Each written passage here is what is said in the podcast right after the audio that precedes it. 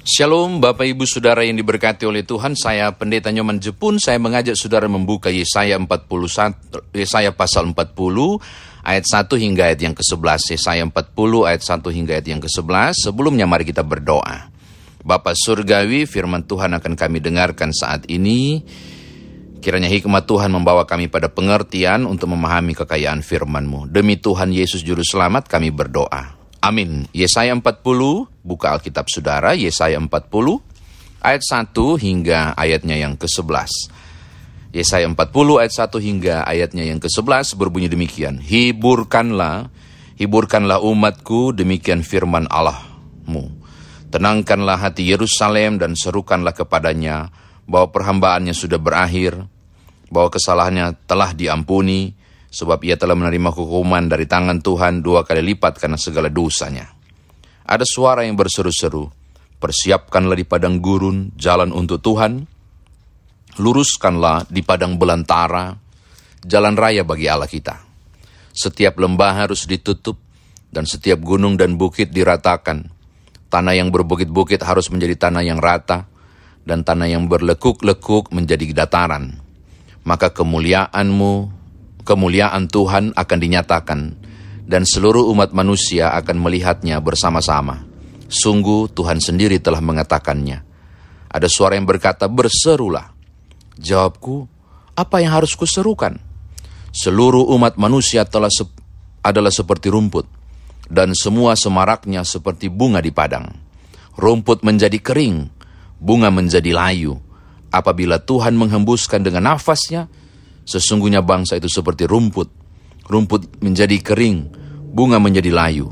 Tetapi firman Allah kita tetap untuk selama-lamanya. Hai Sion, pembawa kabar baik, naiklah ke atas gunung yang tinggi.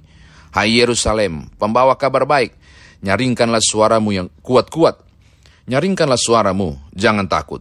Katakanlah kepada kota-kota Yehuda, lihat itu Allahmu. Lihat itu Tuhan Allah. Ia datang dengan kekuatan dan dengan tangannya ia berkuasa.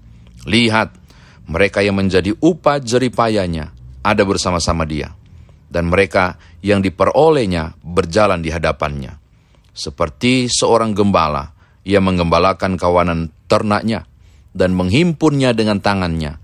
Anak-anak domba di pangkunya, induk-induk domba dituntunnya dengan hati-hati.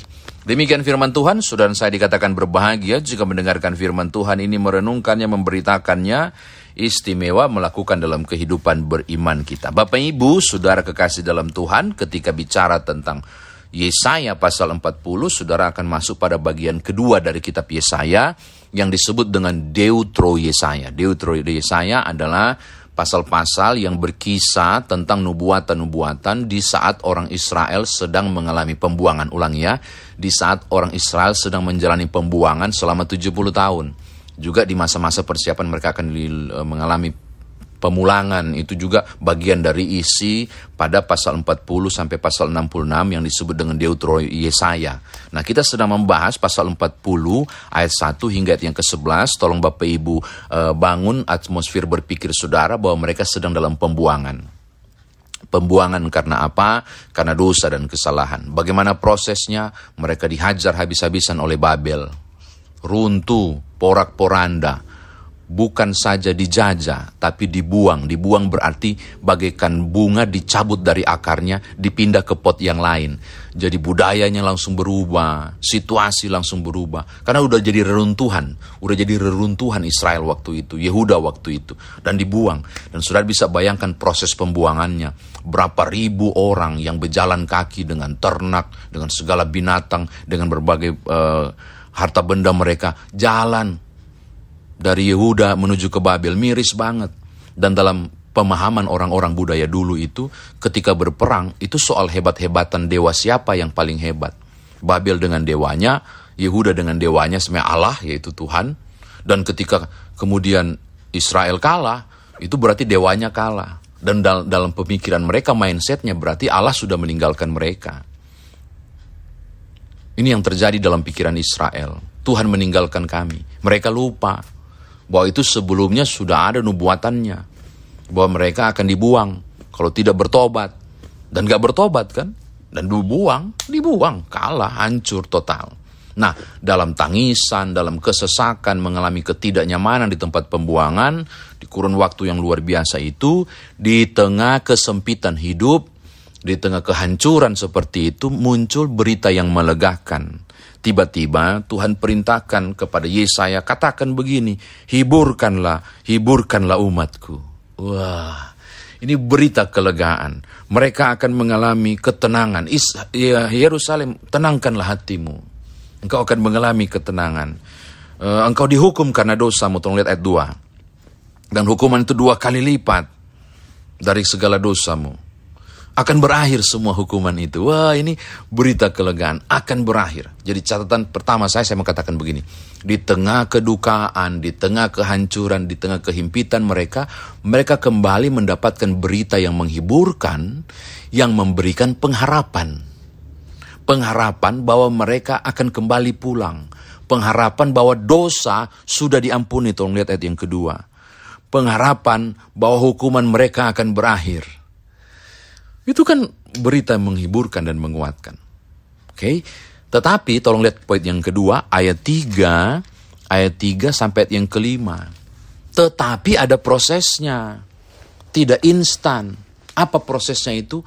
Umat harus menyiapkan diri ada suara yang berseru-seru. Ayat tiga, persiapkanlah di padang gurun jalan untuk Tuhan, luruskanlah di padang belantara jalan raya bagi Allah kita. Setiap lembah harus ditutup dan setiap gunung dan bukit diratakan. Tanah yang berbukit-bukit harus menjadi tanah yang rata dan tanah yang berlekuk-lekuk menjadi dataran. Ayat tiga dan empat. Ini bicara soal apa? Mereka harus menyiapkan diri dulu. Tidak akan ada kelepasan, tidak akan ada kelegaan jika kemudian jalan raya bagi Allah belum jadi. Artinya uh, kenajisan tidak akan berjumpa dengan kekudusan, nggak bisa. Maka yang harus dibuat Allah si najis ini harus menjadi kudus. Bagaimana caranya? Bertekad untuk hidup baru. Mereka membaharui semuanya. Persiapkanlah jalan untuk Tuhan. Gunung-gunung diratakan Tanah yang berbukit-bukit diratakan, yang berlekuk-lekuk menjadi dataran. Apa itu? Jangan ada lagi kesalahan, jangan ada lagi dosa. Umat harus menyiapkan diri, menyongsong proses kelegaan yang Tuhan anugerahkan. Begitu. Umat menyiapkan diri untuk menyambut berita penglepasan yang Tuhan buat. Pembebasan akan terjadi, Tuhan akan masuk. Tapi kalau nggak ada jalan, Tuhan yang tidak mau masuk. Bukan Tuhan nggak nggak mampu bikin jalan baru, bukan. Artinya umat harus benar-benar menyiapkan wadah yang kudus untuk hadirnya yang maha kudus. Begitu kan? Karena kekudusan tidak mau berjumpa dengan kenajisan. Umatlah harus menyiapkan diri. Persiapkan jalan bagi Tuhan. Oke? Ini catatan yang kedua. Yang ketiga ini menarik nih. Ada suara yang berkata, berserulah. Jawabku, apa yang harus kuserukan? Kata berseru itu dia menggunakan istilah bahasa Ibrani kera. Kata kera itu bisa berarti meraung, bisa berarti menangis dengan suara keras. Sambil berucap. Nah apa yang diucapkan? Seluruh umat manusia adalah seperti rumput dan semua semaraknya seperti bunga padang. Rumput menjadi kering, bunga menjadi layu. Apabila Tuhan menghembuskan dengan nafasnya, sesungguhnya bangsa itu seperti rumput. Rumput menjadi kering, bunga menjadi layu, tetapi firman Allah kita tetap untuk selama-lamanya. Dalam kondisi kera, dalam kondisi meraung, meratap, bersuara keras, kami hanyalah rumput. Bangsa ini cuma rumput kering. Bangsa ini cuma bunga yang layu. Sekali dihembuskan, kami mati dan tidak punya apa-apa lagi. Bangsa ini harus buat pengakuan. Dalam erangan mereka, Tuhan kami bukan siapa-siapa. Kami cuma rumput kering, kami seperti bunga yang layu. Kami butuh engkau, sebab engkau dan firmanmu tetap ada untuk selama-lamanya. Kalau kami, kasihan lewat kami. Makanya ayat 6 dan ayat yang ke-8 itu bicara satu hal yang penting setelah umat menyiapkan diri, setelah umat menyiapkan diri untuk Tuhan masuk, membawa kelegaan, diratakanlah itu bukit-bukit menjadi dataran dan seterusnya itu, umat harus mengubah sikap. Mereka tidak boleh bermegah lagi. Kan ini tegar tengkuk toh. Israel kan tegar tengkuk. Jangan bermegah lagi. Kemegahan mereka harus untuk Tuhan dan Allah. Kami bukan siapa-siapa. Tanpa engkau kami tidak bisa bikin apa-apa. Kira dalam dalam erangan itu. Tanpa engkau kami bukan siapa-siapa. Kami seperti rumput yang layu. Rumput yang kering, bunga yang layu. Kami butuh engkau dan firmanmu. Sebab engkau dan firmanmu selalu ada selama-lamanya. Ayat 8. Israel harus buat pengakuan. Mereka butuh Tuhan. Israel harus buat pengakuan kami ini bukan siapa-siapa. Karena tegar tengkuk sih mereka. Jadi mereka harus rubah mindset mereka tentang diri mereka. Tanpa Tuhan mereka bukan siapa-siapa. Mereka butuh Allah. Dan akhirnya kalau saudara lihat ayat 9, ayat 10 sampai ayat yang 11. Hai is Yerusalem berserulah. Lihat, lihat Allahmu datang dengan kemuliaannya. Dia akan memangku anak domba. Dan domba-domba yang lain dipelihara dan dituntun. Apa, apa mau bicara? Tuhan bekerja. Tuhan langsung final masuk dan langsung membuat pemulihan. Pemulihan itu terjadi ketika umat membaharui mindset mereka. Bahwa mereka bukan siapa-siapa, mereka butuh Tuhan. Umat dibaharui, kehidupan mereka kemudian mengalami pengharapan ketika umat menyiapkan proses Tuhan masuk. Siapkanlah jalan bagi Tuhan. Kira-kira seperti itu firman Tuhan ditafsirkan bagi kita. Nah sekarang bagaimana kita bawa dalam kehidupan beriman kita. Yang pertama, Firman ini mau disampaikan kepada siapa pun saudara yang sedang berbeban dalam kuk, siapa pun saudara yang sedang mengalami ketidaklegaan, siapa pun saudara yang barangkali sedang merasa dibuang saat ini. Seakan Tuhan lagi tidak berpihak untuk saudara. Siapa pun saudara yang saat ini sedang terpojok dalam ratapan saudara, hari ini firman Tuhan mau sampaikan berita baik, hiburkanlah umatku. Bapak Ibu ada pengharapan dalam Tuhan. Saya mau bilang, ulangi, dengarkan baik-baik siapa pun saudara yang terpojok dalam soal hidup, pergumulan, tantangan, khawatir dan takut saudara. Ada berita baik hari ini. Ada pengharapan di dalam Tuhan. Oh, selagi masih ada Tuhan.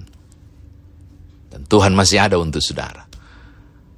Ada pengharapan bahwa pemulihan pasti terjadi. Penglepasan dari soal dan beban, engkau akan menemukan jalan keluar. Tuhan menjanjikan penghiburan dan kekuatan. Siapa pun saudara, dengarkan baik-baik. Tuhan menjanjikan ini untuk saudara. Mengalami kelegaan dan kelepasan. Oke? Okay? Tetapi ini yang kedua. Saudara dan saya harus menyiapkan diri. Ya toh? Um, Yesaya 59 ayat 1 dan 2 itu. Tangan Tuhan tidak kurang panjang untuk menjangkau saudara, Telinga Tuhan tidak kurang tajam untuk mendengar, tapi yang menjadi pemisah antara engkau dan Allahmu adalah dosa dan kesalahan. Persiapkanlah jalan bagi Tuhan. Perbaiki diri. Gitu. Persiapkanlah jalan bagi Tuhan. Supaya doa-doa itu cuma tidak cuma mampir di plafon. Karena ada halangan plafon dosa. Baharui diri, baharui sikap, persiapkan jalan untuk Tuhan masuk. Hiduplah dalam kekudusan dan kebenaran karena kekudusan hanya mau berjumpa dengan kekudusan, bukan kenajisan. Harus ditimbun itu bukit-bukit harus jadi tanah yang rata. Jangan ada lagi kesalahan. Hiduplah di dalam kebenaran. Karena dia janjikan akan masuk di masalah saudara. Tapi bagaimana mungkin Tuhan yang maha kudus menjumpai kenajisan saudara? Enggak mungkin. Saudara harus dan saya harus menyiapkannya. Agar ada jalan Tuhan masuk dan caranya adalah memperbaiki kehidupan rohani saya dan saudara. Menjadi benar di hadapan Tuhan. Ini yang kedua. Yang ketiga dan yang terakhir Bapak Ibu. Sudah saatnya siapa pun yang saat ini sedang dalam kondisi membutuhkan Tuhan. Saudara harus berani berucap di hadapan Allah. Saya dan saudara diajak untuk berani membuat satu pengakuan. Tuhan, kami ini cuma seperti rumput yang kering, bunga yang layu. Apabila engkau menghembuskan nafasmu, sesungguhnya kami hancur, kami hilang jejak, kami kami bukan siapa-siapa. Berhentilah untuk beranggap diri bahwa engkau mampu mengendalikan hidupmu bersama keluargamu. Engkau butuh Tuhan. Saya mau katakan penegasan ini bahwa ayat 6 dan ayat yang sampai ayat yang ke-8 ketika melakukan kera atau meraung dan meratap kepada Tuhan, yang Tuhan butuh suara saudara adalah suatu pengakuan bahwa engkau datang dalam kerendahan membutuhkan Allah. Bukan masih mau pasang lagi wibawa, Bukan lagi mau pasang status sosial. Bukan lagi seakan-akan engkau mampu tanpa Tuhan. Oh, Bapak Ibu dengarkan baik-baik. Kita butuh Tuhan. Bapak Ibu pernah tahu tuh? Marilah kepadaku semua yang letih lesu dan berbeban berat. Itu undangan diberikan begini. Banyak orang cuma baca biasa, tapi sebenarnya itu undangan hanya diberikan kepada orang khusus. Marilah kepadaku semua yang letih lesu dan berbeban berat undangan tidak diedarkan kepada mereka yang masih kuat. Undangan tidak diedarkan kepada mereka yang anggap diri kuat. Undangan tidak diberikan kepada mereka yang masih bermegah dengan kondisi dirinya. Tapi undangan itu diberikan kepada mereka yang letih lesu dan berban berat, hopeless. So, tidak ada harapan. Orang yang surrender kepada Tuhan, aku menyerah, aku berserah kepadamu, aku butuh engkau Tuhan. Karena engkau dan firmanmu ada selama-lamanya. Ayat 8, aku butuh engkau. Aku cuma berumput kering. Aku bunga layu. Aku membutuhkan engkau. Saudara perhatikan. Di saat engkau membalikan suasana. Yaitu aku bukan siapa-siapa. Di saat egomu engkau tekan dan rendahkan. Di saat engkau benar-benar menyerah dan berpasrah diri bergantung pada Tuhan. Baru terjadi pertolongan. Lihatlah Sion Tuhan datang, anak domba di pangkuannya, seluruh domba digiringnya, kemuliaan Tuhan dinyatakan. Perhatikan baik-baik, ayat uh, eh, 9 sampai yang 11, itu hanya mungkin terjadi jika orang percaya bersedia merendahkan diri. Maka saya mau tutup, mau bilang begini kepada Bapak Ibu. Penting sekali, saudara dan saya membuat pengakuan itu. Ketergantungan saudara kepada Tuhan dengan sikap seperti itu, kerendahan hati yang sungguh kepada Allah, saudara membuat peluang terjadinya kehadiran Tuhan. Tuhan tidak pernah hadir pada mereka yang angku. Tuhan tidak pernah hadir kepada mereka yang masih merasa mampu. Tapi kepada mereka yang membutuhkannya dalam pengharapan. Tuhan tidak akan mengecewakan saudara. Mari terus maju. Terus percaya. Buat perubahan hidup yang nyata. Siapa pun engkau nantikan pertolongan Tuhan. Dan Tuhan tidak akan mengabaikan kera saudara, raungan saudara, meminta tolong. Ia akan menolong saudara. Tuhan berkati Bapak Ibu. Haleluya. Amin.